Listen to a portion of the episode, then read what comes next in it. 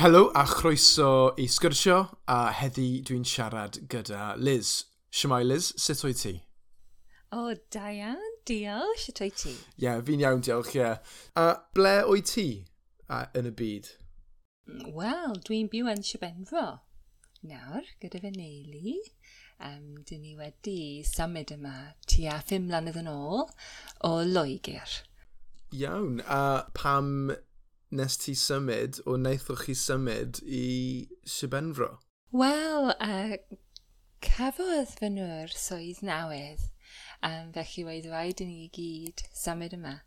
Um, felly fi a fy nhw'r ac uh, ein trio blant ni wedi symud yma uh, i'r cefn gwlad fel ni'n byw yn y dre yn Lloegr. Felly roedd yn hyfryd i symud i Siabenfro, achos um, cerddi fy magu yn eich. Um, felly roedd e'n just hyfryd i fod yn y cefn glad unwaith eto. Uh, ro'n i'n hapus iawn pan symudais i yma. Ro'n i'n teimlo lwcus iawn. Ble, ble, sori?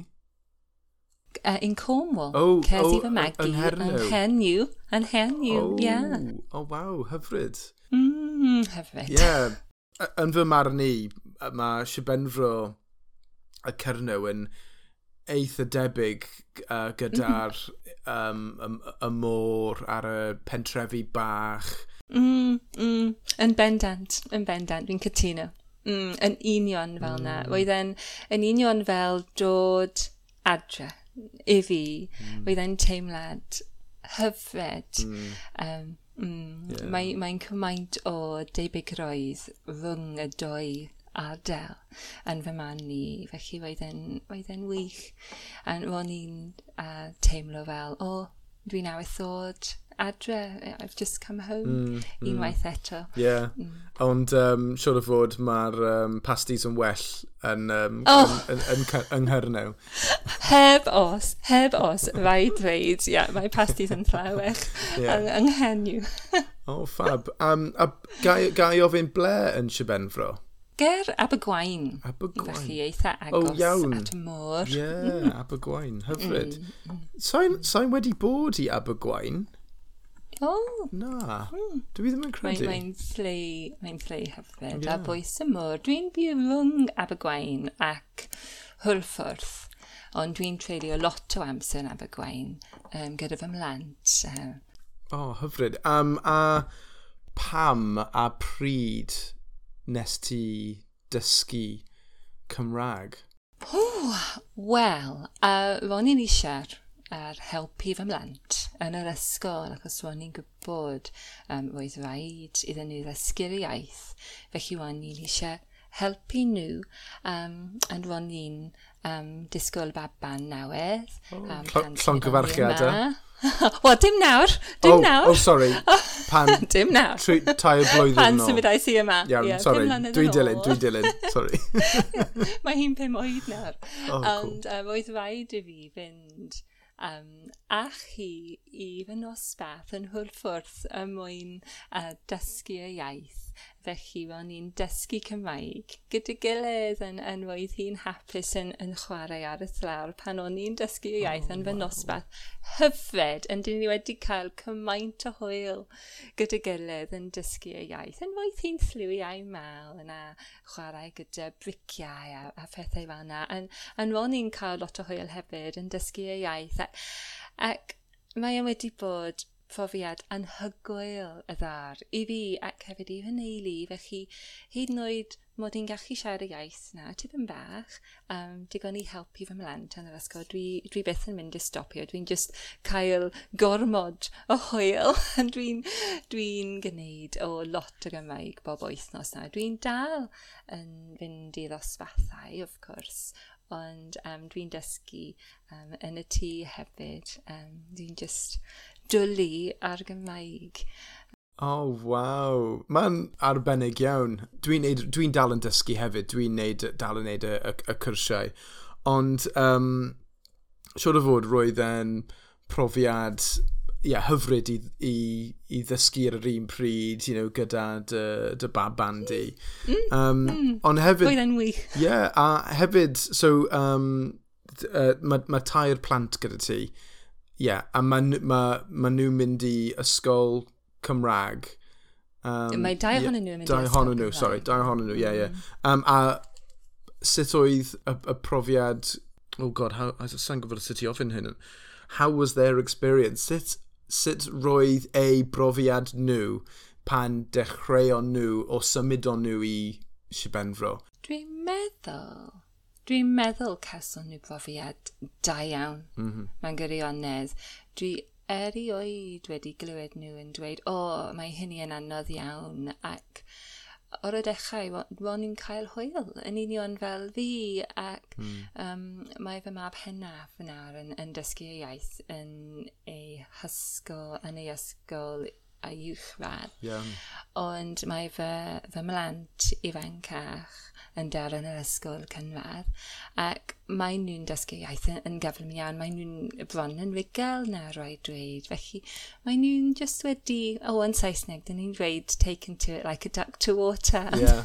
so i'n gallu dweud yr un peth yn Gymraeg, ond yn ffodus. Ond mae nhw'n just defnyddio iaith yeah. bob dydd, ond y tîm mae nhw'n hap hapus i siarad yn y iaith ac hefyd i canu yn y iaith hefyd hyd yn oed dros y cyfnod clo. Mm. Um, Wel, nhw'n defnyddio ein iaith, yeah. ei iaith nawedd. Um, gyda fi yn y tîm mae'n just um, teimlo hapus pan, pan o'n nhw'n defnyddio y iaith. Ie, yeah. a mae'r mm. ma um, role model da hefyd now in the form of you. Sa'n gwybod sut i ddweud oh. Ond, ond you know, maen nhw'n gallu mm. weld you know, ei mam nhw siarad dysgu'r iaith, defnyddio'r iaith. Um, felly mae'n ma, ma, ma gallu bod... Sa'n gwybod y sefyllfa gyda Abergwain, ond maen nhw'n gallu weld mae'r iaith yn bodoli tu fas o'r, or ysgol hefyd. Um, mm, mm, dwi'n meddwl, yeah, dwi'n meddwl so hefyd. Mae'n mm. ma really... Um, mae'n really yeah, hyfryd i, i, i glywed. Yeah, so sut nes ti, nes ti ddysgu? So um, dechreuais ti gyda'r cwrsiau um, o, oh, wyneb i do, wyneb? Do, do, do. Do, do, do, do, do. Um, Dwi'n dwi, dwi dechrau um, o ers tua'r o pedair um, blynedd yn ôl um, yn y dosbarth yn Hwlffwrdd gyda Athras yn hygwyl mm. yw'r. Uh, ac dwi'n dal yn dysgu yn y dosbarth, ond nawr dwi'n gwneud um, dwy dosbarth bob dwy ddosbarth bob wythnos. Um, dwi wedi bod yn lwc lwcus iawn mm. i gael athrawon bendigedig. Um, dwi wedi cymryd rhan mewn cynllun siarad hefyd. Ac Cyn oedd yna help enfawr. Cynllun siarad. Cynllun siarad. O, oh, mae'n wedi bod yn anhygoel, felly ro'n i'n lwcus iawn i gael y cyfle i siarad bob wythnos gyda siaradwr rhugel. Felly ro'n i'n cael sgwrs bach neis mm. o'r wythnosol gyda'r rhywun sy'n gallu siarad iaith yn rhugl yn yn roedd yn help enfa. Um, a hyd yn oed dros y cyfnod clo, um, mae fy nosbeth i wedi symud ar-lein, of course. Felly dros y cyfnod clor, o'n i'n dysgu ar-lein, ond yeah. nawr um, un ohonyn nhw wedi symud nôl i'r dosbarth go iawn. Oh, am cyffroes! Oh, yeah. Felly dwi'n gallu, dwi gallu gweld fy ffrindiau i go iawn yn y byd, yeah, go iawn, yeah. Um, dim ar y sgwyn ti'n gwybod. Oh. So, mae yn wedi bod profiad hapus, yn ymwedig dros y cyfnod clo, achos mae ni'n gallu cadw yn fynd um, gyda fy, fy, fy Nghymraeg a, a hefyd gweld fy ffrindiau mm. fel na ar y un pryd. So, yeah, dwi'n dwi gwneud lot o Gymraeg bob wythnos, ond dwi'n hapus i gwneud um, lot o Gymraeg. dwi'n tip and back, um, obsessed, dwi'n meddwl, ond pawb at y peth y bow. Yeah, I mean, ti'n siarad gyda rhywun sydd wedi dechrau podlediad yn Gymraeg, so mm, dwi'n dwi, yeah. dwi, dwi obsessed um, you know, mm. hefyd, so um, no, ond um, Wel, dwi'n nabod ti trwy'r Instagram. A dwi'n wedi weld dy Instagram di. A ti'n neud pethau yn fy marn i cool iawn. Achos... Oh, diolch. A, ond wyt ti'n gallu dweud um, tipyn bach am dy, dy Instagram, o tydalen Instagram di? A, a beth, beth yw e? Of course, wel mae cyfrif Instagram bach da fi o'r enw Dysgu Gymraeg wrth gerdded, um, Learning Welsh While Walking. Um, o, oh, dwi wedi dechrau Instagram yn y Gwanwyn, felly dwi'n eitha newydd um, am y peth, yn does dim syniad da fi am Instagram y gwbl pan dwi wedi dechrau fy cyffurf Instagram oedd rhaid i fi googlo popeth. Do'n i ddim yn, yn deall hyd yn oed beth oedd hashtag yn wir, o'n i'n yn hollol clueless. Yeah. Ond, oherwydd y cyfnod clo, Um, o'n i'n gwneud lot o bethau gyda fy mlant yn fy ardd i, yn, yn o'n i gyd yn treulio mwy o amser yn y awyr ffres. Ac o'n i'n eisiau dysgu fy mlant am y byd natur. Mm -hmm.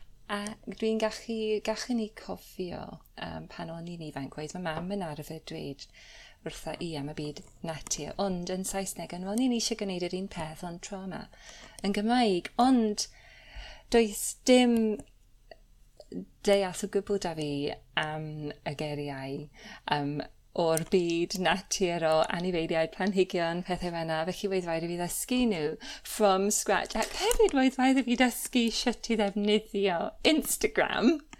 Um, felly dwi wedi dechrau tynnu llawer o luniau o blanhigion, o anifeiliaid, ac wedyn fo'n i'n treulio lot o amser gyda fy ngeriadur y mwyn ffeindio'r enwau o pethau. Ac um, yn y diwedd fo'n i'n gallu rannu fy thluniau ac hefyd yr enwau planhigion ac anifeiliaid yn Gymraeg ac dan bob un yn, yn Saesneg.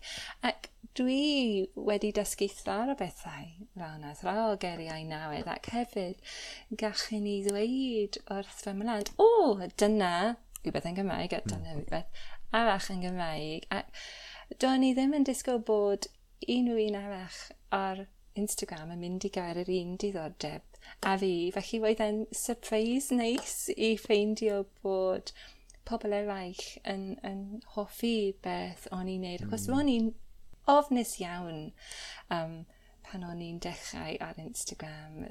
Doedd, doedd dim lot o profiad fi gyda chyffrwng cymdeithasol y gwbl.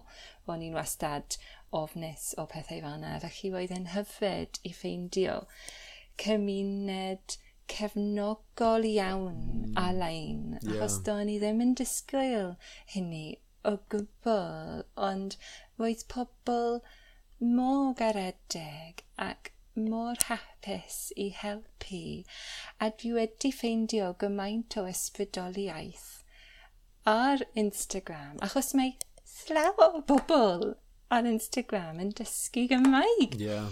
Fel fi, felly mae wedi bod profiad hyfryd hyd yn hyn. Ac dwi'n dysgu pethau newydd yn Gymraeg ac nawr gobeithio um, dysgu eraill yn dysgu pethau newydd yn Gymraeg.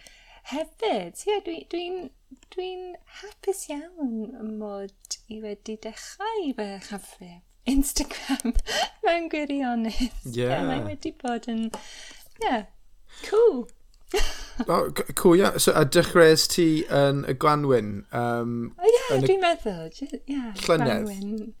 A, no, uh, Eleni. Eleni? O, oh, oh, okay. Eleni, dim ond, o'n i'n meddwl um, wythnos yma, dwi'n meddwl, ie, yeah, ti a chwech, chwech mis, dwi'n meddwl. Oh, waw, okay. yeah. yeah. Chwech mis. What a teg.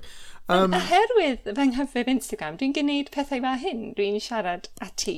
Yeah. Um, dwi wedi cymryd rhan mewn um, podlediadau. Dwi wedi gwneud lot o bethau newydd mm. oherwydd fy nghyfrif bach.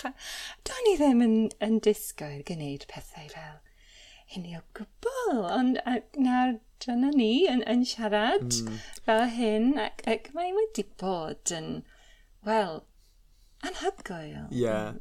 Do, dwi'n dwi, hollol cytuno. Pan dechreuais i'r podlediad, ro'n i'n syni i weld faint o bobl sy'n dysgu Cymraeg ar-lein a ti'n ti cywir mae'r cymuned o hmm. ddysgwyr a maen nhw'n, ie, yeah, um, cefnogi ein gilydd. Mm, yn bendant. O, a hefyd, gyda dy, dy Instagram di, mae'n really pwysig achos dwi ddim yn gwybod unrhyw geiriau natur, really. Um, a weithiau dwi'n struggle, struglo yn Saesneg hefyd. Um, of course, yeah, ma, of ma, course. Fel ni'n yn yr un lle, yeah. y gwir, roedd rhaid i fi ddysgu weithiau y gair, y gair yn Saesneg hefyd. Yeah. dwi'n dysgu lot o bethau a hyn i fi. Ie, yeah, achos o'n i'n literally ar dy tydalen di heddi, a um, yr, yr un si, ti wedi wneud gyda'r um, y coed oh, mm. a horse chestnut. Mm-hmm. Mm. welais i llawer o horse chestnuts penwythnos yn ôl. Mm. Un, un benwythnos yn ôl. Ond, basically, oedd rhywun yn ofyn fi fel o beth yw e, is that a horse chestnut? A uh, welais i uh, llun ti ar, ar dy Instagram di, A o'n i fel, oh wow, yeah, that was a horse chestnut. a wedyn, dwi'n gallu cael y gair yn Gymraeg hefyd. Well, um, hapus i helpu. yeah. So, um, Cystanwyddon, o Cystanwydden. Y merch. Y merch. Mm. Uh, yeah, so mae'n ma really cool. O, um, diolch yn fawr iawn. Yeah. Diolch yn fawr iawn. No, mae'n yeah. ma syniad nice, achos... O, diolch. Yeah, well, mae ma pawb yn dysgu um, mewn ffyrdd wahanol, we, you know, a mae'n... Ie, yeah, a mae ma, ti wedi creu rhywbeth sy'n um, visual i helpu fall, you know, gobeithio e fel visual learners a mae mm. hynny'n just, um, just, just nice. A hefyd ti wedi, you know, ti'n gallu casglu rhywbeth a wedyn edrych nôl you know, um, ar ôl un flwyddyn a, a weld pa, you know, faint ti wedi wneud a mm Mae'n mm. ma, ma eitha nice i edrych nôl a wel, o, oh, what a teg, dwi wedi creu mm. you hmm. know, llawer o content i helpu pobl eraill. Ie, yeah, mae ma hynny'n hyfryd a, a, a pwysig. Yeah, you know, like, mae ma nice mae ddysgwyr yn gallu creu pethau i helpu dysgwyr eraill mm, um, heb... Obviously, mae lot o uh, lyfrau a apps a stuff, hmm. ond mm we can take it into we can we've got the power to do our own thing as well. Um, mae hynny'n eitha nice. Um, a mae lot o pobl yn neud hynny. A dwi'n credu mae just positif iawn. Um, oh, positif iawn. Positif mm. iawn. A dwi hapus iawn i fod rhan ohono fe.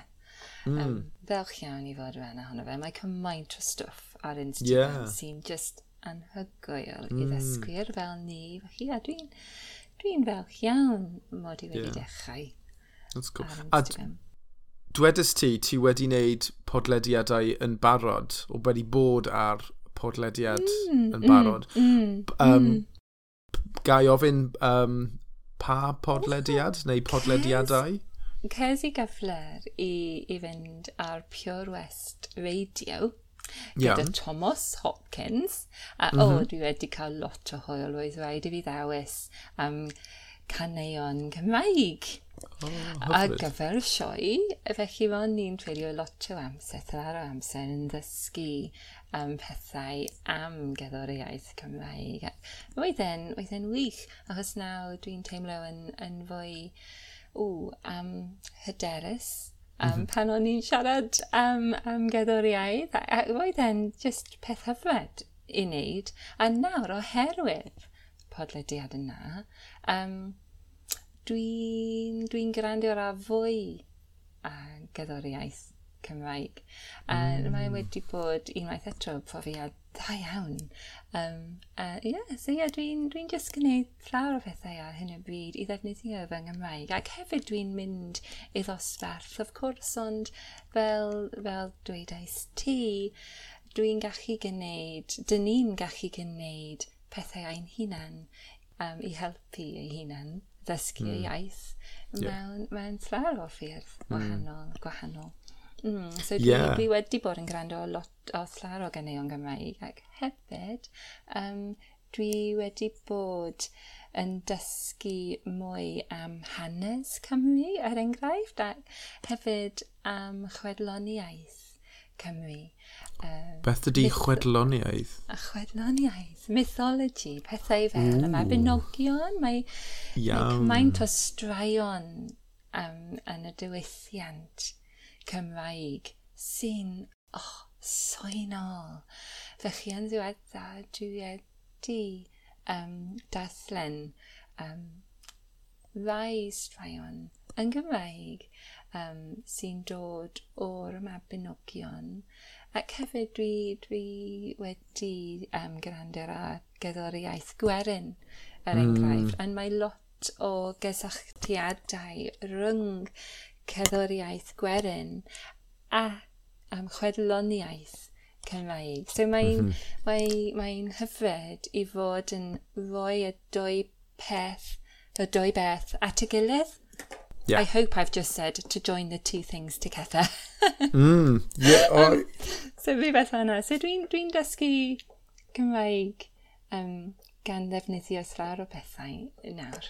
And mae wedi bod yn liberating yeah. mae'n gwirionedd.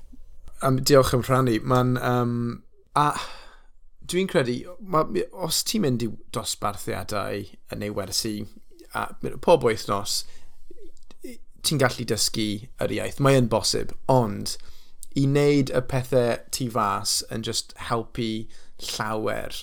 Um, I mynd ar y radio, war y teg, you know, oh. i, i, i oh, ddechrau... O'n i'n ofnus iawn! Ie, yeah, ie. Yeah. Oh um, yn fyw neu... Um, Na, pre, dim, pre dim yn fyw, dim yn fyw, dim eto. Yeah. yeah. Dwi wedi bod ar Radio Cymru dwy waith yn, yn oh, fyw. Uh, wel, da iawn ti. Pob tro mae'n like, mae yn ofnus, achos... O, oh, dwi'n siwr yeah, ti, um, mae rhaid i ti meddwl yn gyflym, ond hefyd mm. ti ddim eisiau siarad yeah. gormod. Ti'n meddwl ad y draed. Yeah, Mm. mm. Ond dwi'n um, so dwi'n really hoffi cerddoriaeth werin. Mm, oh. Um, ma, a dwi'n deall gyda, dwi'n cytuno gyda ti, mae ma cysylltu gyda'r uh, mythology. Beth, beth yeah. dwi'n meddwl bod e'n chwedloniaeth, ond dwi ddim... Chwedloniaeth. Chwedloniaeth. No, chwedloniaeth. Wel, mae'n cool, though. Um, a, oed ti Wyt ti'n ti wedi clywed o Gwilym Bowen Rhys? Ie. Yeah. Do. Achos do, mae e'n siarad lot am like, ei hanes uh, yeah. fe a mae pethau. Mae ca... Mm. ie. Mae e'n... Mm. Mae e'n...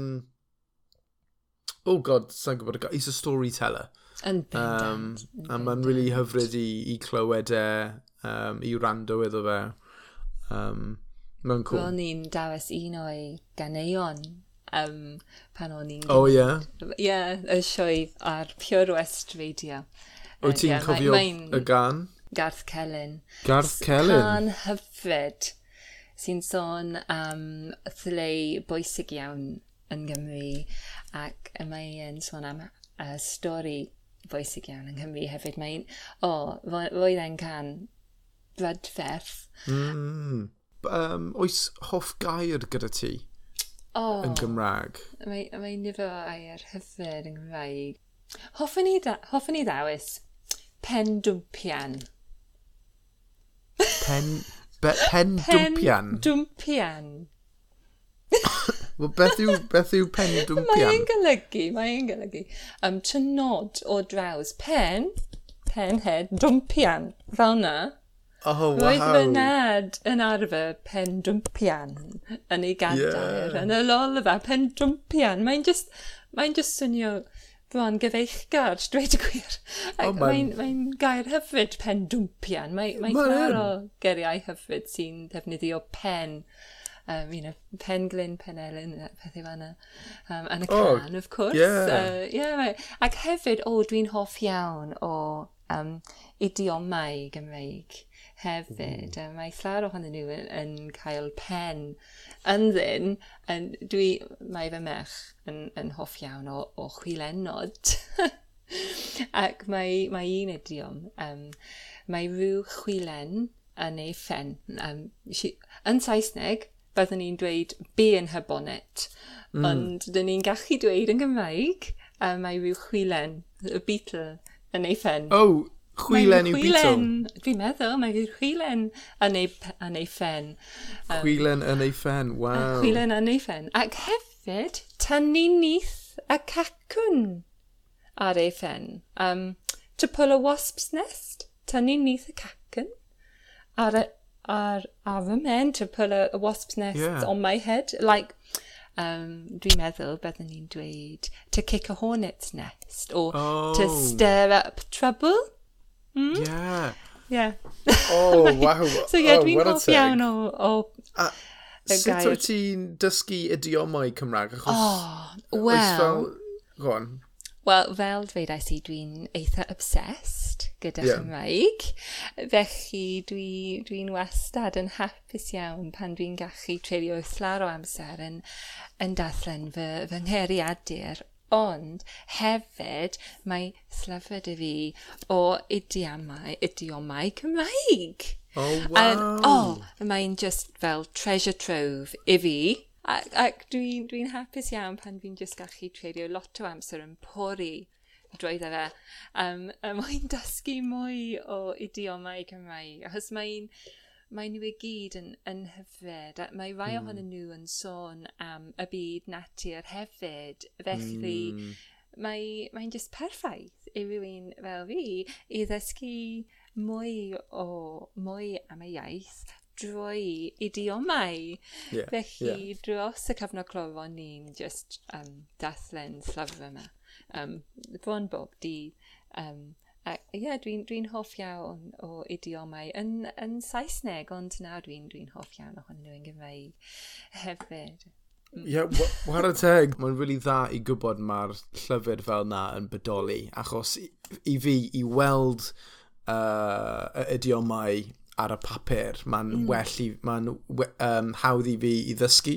Mm, um, yes, mm, dwi'n deall. Mae'n so, wedi bod tipyn o help, mae'n gyda yn. ond. Yeah. A, Ac yn enwedig achos na dwi'n dathlen yn fwy yn Gymraeg hefyd, yn mm. wrth gwrs mae o'r awduron yn defnyddio idiomau yeah. yn ein, yn ein ysgrifen. Felly mae'n wedi bod yn ddefnyddiol i fod yn gallu deall nhw yn, yeah. yn fwy hawdd. Ie. Yeah. Oed ti'n darllen llyfrau ddysgwyr neu lyf, lyfrau uh, Cymraeg go iawn, I don't know. Wel, fo i'n dechrau gyda um, slyfau i ddysgwyr, hmm. ond mm. a hyn y bryd, yr enghraifft, dwi'n daslen Martha Jack a Janko um, gan Carol Lewis. Och, mm. mae hi'n dalentog iawn. And of course, mae hi'n um, ysgrifennu yn aml am y byd natur. Um, mae tharoedd straeon yn cael ei sefydlu a set yn, mm. yn cymryd lle, take place, sa'n siŵr sut i ddweud fe, yn, yn y hefyn glad. Felly dwi'n gallu dysgu slar o, o eriau newydd am, am y byd natur mm. um, gan ddathlen ei llyfrau hi. Felly, dwi'n dwi, dwi, hapus iawn pan dwi'n dathlen yn Gymraeg nawr. Ie, yeah, mae'n really dda i wneud um, warateg. Oes unrhyw... Ie, yeah, oes unrhyw tips um, gyda ti i helpu ddysgwyr eraill? Ooh, um, tips. Ie. Yeah. Mm. Wel, dwi'n lwcus iawn achos dwi wedi ffeindio slawer o ffyrdd i fi ddysgu y iaith. Mae, mae, mae gyda fi um, athrawon anhygoel o, da, o ddar. Ac hefyd, dwi'n dwi wedi bod yn magu diddordeb newydd yn fy iaith um, newydd. Um, felly dwi'n meddwl fel tipiau, byddwn ni'n dweud mae'n mae bwysig bod pobl yn ffeindio rhywbeth sy'n bwysig unrhyw. Ac hefyd, fwy cynnig a dysgu, fwy cynnig a ddysgu y iaith drwy gan ddefnyddio'r um, ei, ei diddordeb mm. um, nhw. Um, felly dwi'n meddwl byddwn ni'n dweud na. So rhaid ffeindio rhywbeth sy'n bwysig i yeah. chi ac wedyn dysgu iaith gan ddefnyddio fe. Um, hmm, a just cadw ymlaen paid yeah. a fwy a ffidl yn y tro. Mm. Just, yeah. Cadw ymlaen. Idiomau, na fe, ie. yeah. yeah, yeah. Dwi'n hoff iawn o idiomau. Be, a beth mae idiom yn golygu, sorry? O a beth yw e eto? Mwy o fiddle yn y tro. Don't give up. Don't put your fiddle in the roof. Don't put the fiddle in the roof. Yeah, yeah fiddle ar y to. Paid a fwy a fiddle yn y to. So, yeah, paid a fwy a fiddle yn y to. Just yeah. cadw ymlaen. Keep going. Yeah. Gyda yeah, tip... Gwen enfawr a, a paid yeah. a ffwyni am, am gamgymeriadau. Yeah. O, oh, yn union, ie. Yeah. A dwi'n yeah, dwi gytuno gyda ti pan dwedais ti ffeindio rhywbeth ti'n ti'n hoffi e, neu, neu ti, os ti'n neud yr un peth yn Gymraeg, o trio neud yr un peth yn hmm. Gymraeg, um, mae'n wastad yn helpu achos mae diddordeb gyda ti yn yr er diddordeb yn, yn, yn, yn barod. And mm. You've got hmm. interest in the hmm. interest, os mae hynny'n ma neud sens. Ac yeah. mae'n doedd, um, mae, dwi e ddim yn mynd i teimlo fel bod chi'n gweithio yn galed iawn, achos... Mm. Yeah. Ie, yeah, dych chi'n yeah. mynd i gael hwyl. Mm. Ie, yeah. neu ofyn ti um, uh, cwestiwn olaf. Um, um, felly, Liz, mae peiriaint amser gyda ti. um, a ti'n gallu mynd nôl mewn amser ac ymweld tri lefydd wahanol, ble fasa ti fynd? Mm. Wel, mae cwestiwn da. Um, felly, dwi'n meddwl... Dwi'n meddwl... Hoffwn i fynd nôl i'r 30au a 40au. Achos roedd fy nad um, yn vacuí ac uh, cafodd ei ei fagu a'r Guernsey. Felly oherwydd mm. y ail fefel byd, roedd rhaid iddo fe adael Guernsey ac symud i Loegr ac doedd e ddim yn, wel, Unaeth e ddim yn siarad am y cyfnod yna yn aml, Felly hoffwn i fynd nôl i'r cyfnod yna, y mwyn dysgu mwy am ei brofiad, achos dwi ddim yn deall yn slwyr beth yn union wedi digwydd iddo fe. So felly hoffwn i wneud na. Ac hefyd, yn ddiweddar, dwi wedi bod yn magu diddordeb newydd mewn tradoddiadau gwerin mm -hmm. yn fy ardal i. Yn yn Gwrthlawen Cymru, dwi wedi bod yn treulio thlar o amser yn y archif di. Mae'n just slay. Cool iawn. Um, felly hoffwn i fynd nôl i'r pedwaredd, canrif ar bymtheg. Iawn. Gobeithio mod i'n awys ddweud 19th century. Y mwyn gweld sut mae pobl lleol yn byw yn fy aldelu, achos ti wedi bod yn dysgu llawer o bethau diddorol dros ben am ei bywydau. Um, felly hoff i ni weld nhw um, yn y byd go iawn, dim just yn, yn y um, o, yn, yn archif di. Ac hefyd, uh, fy nwedydd lle, dwi'n meddwl hoffwn i fynd nôl i fy mlentyn dod y mwyn treulio nadolig yn fy ni. Mm. Um, yeah, yeah, roedd e'n, roedd e'n cyfnod special iawn yn fy ni i, felly hoffwn i fynd nôl yn fy meiriant amser y mwyn treulio nadolig gyda fy rieni pan o'n i'n blentyn fach. o, oh, diolch. Um, ymatebion diddorol a hyfryd iawn. Um, oh, diolch. Ie. yeah. Bydd diddorol iawn i yeah, weld o le dy tadci di? Fy nad. Fy nad. Ie, o fy nghad. Sorry, dy dad di. Ie, yeah, mae fy nad. Yeah. Mm. I gwybod mwy o'r mm. dy brofiad dad di. Um, a wedyn, dwi'n caru hanes a fel dwedais ti, fel pan ti'n dallen llawer am um, y cwstymau o'r, or y bro neu o'r ardal a stuff. Ie, yeah, bydd arbennig i, i mynd nôl a just weld mm. Mm. sut, sut oedd e. Ie, yeah, yn bendant. O, oh, hoffwn i'n neud na cymaint. Um, yn ffodus, ie, yeah, does dim actual time machine gyda no, fi. No, yn ffodus. Um, Ni'n ni gallu uh, brew, brewdweiddio. Brew, yeah, brewdweiddio. Brwydweiddio. Ni'n gallu, yeah. ni gallu brewdweiddio. Fab. Wel, Liz, diolch yn fawr iawn am siarad uh, gyda fi heddi. Mae wedi bod pleser i cyrraedd â ti a gwybod mwy o dybrofiad di gyda Cymraeg. O, oh, diolch yn fawr iawn, ie. Yeah. Dwi wedi cael hwyl. hwyl fawr. Hwyl, hwyl fawr. Wel, dyna ni. Diolch yn fawr iawn eto am rando. Os ti moyn ffeindio'r Liz ar Instagram, ei enw o'r Instagram hi yw Dysgu Cymraeg wrth gerdded.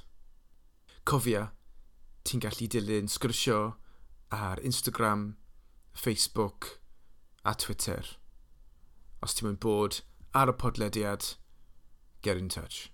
Diolch yn fawr iawn eto am brando i sgyrsio. Gobeithio chi'n cadw'n iawn, cadw'n saff a hwyl fawr.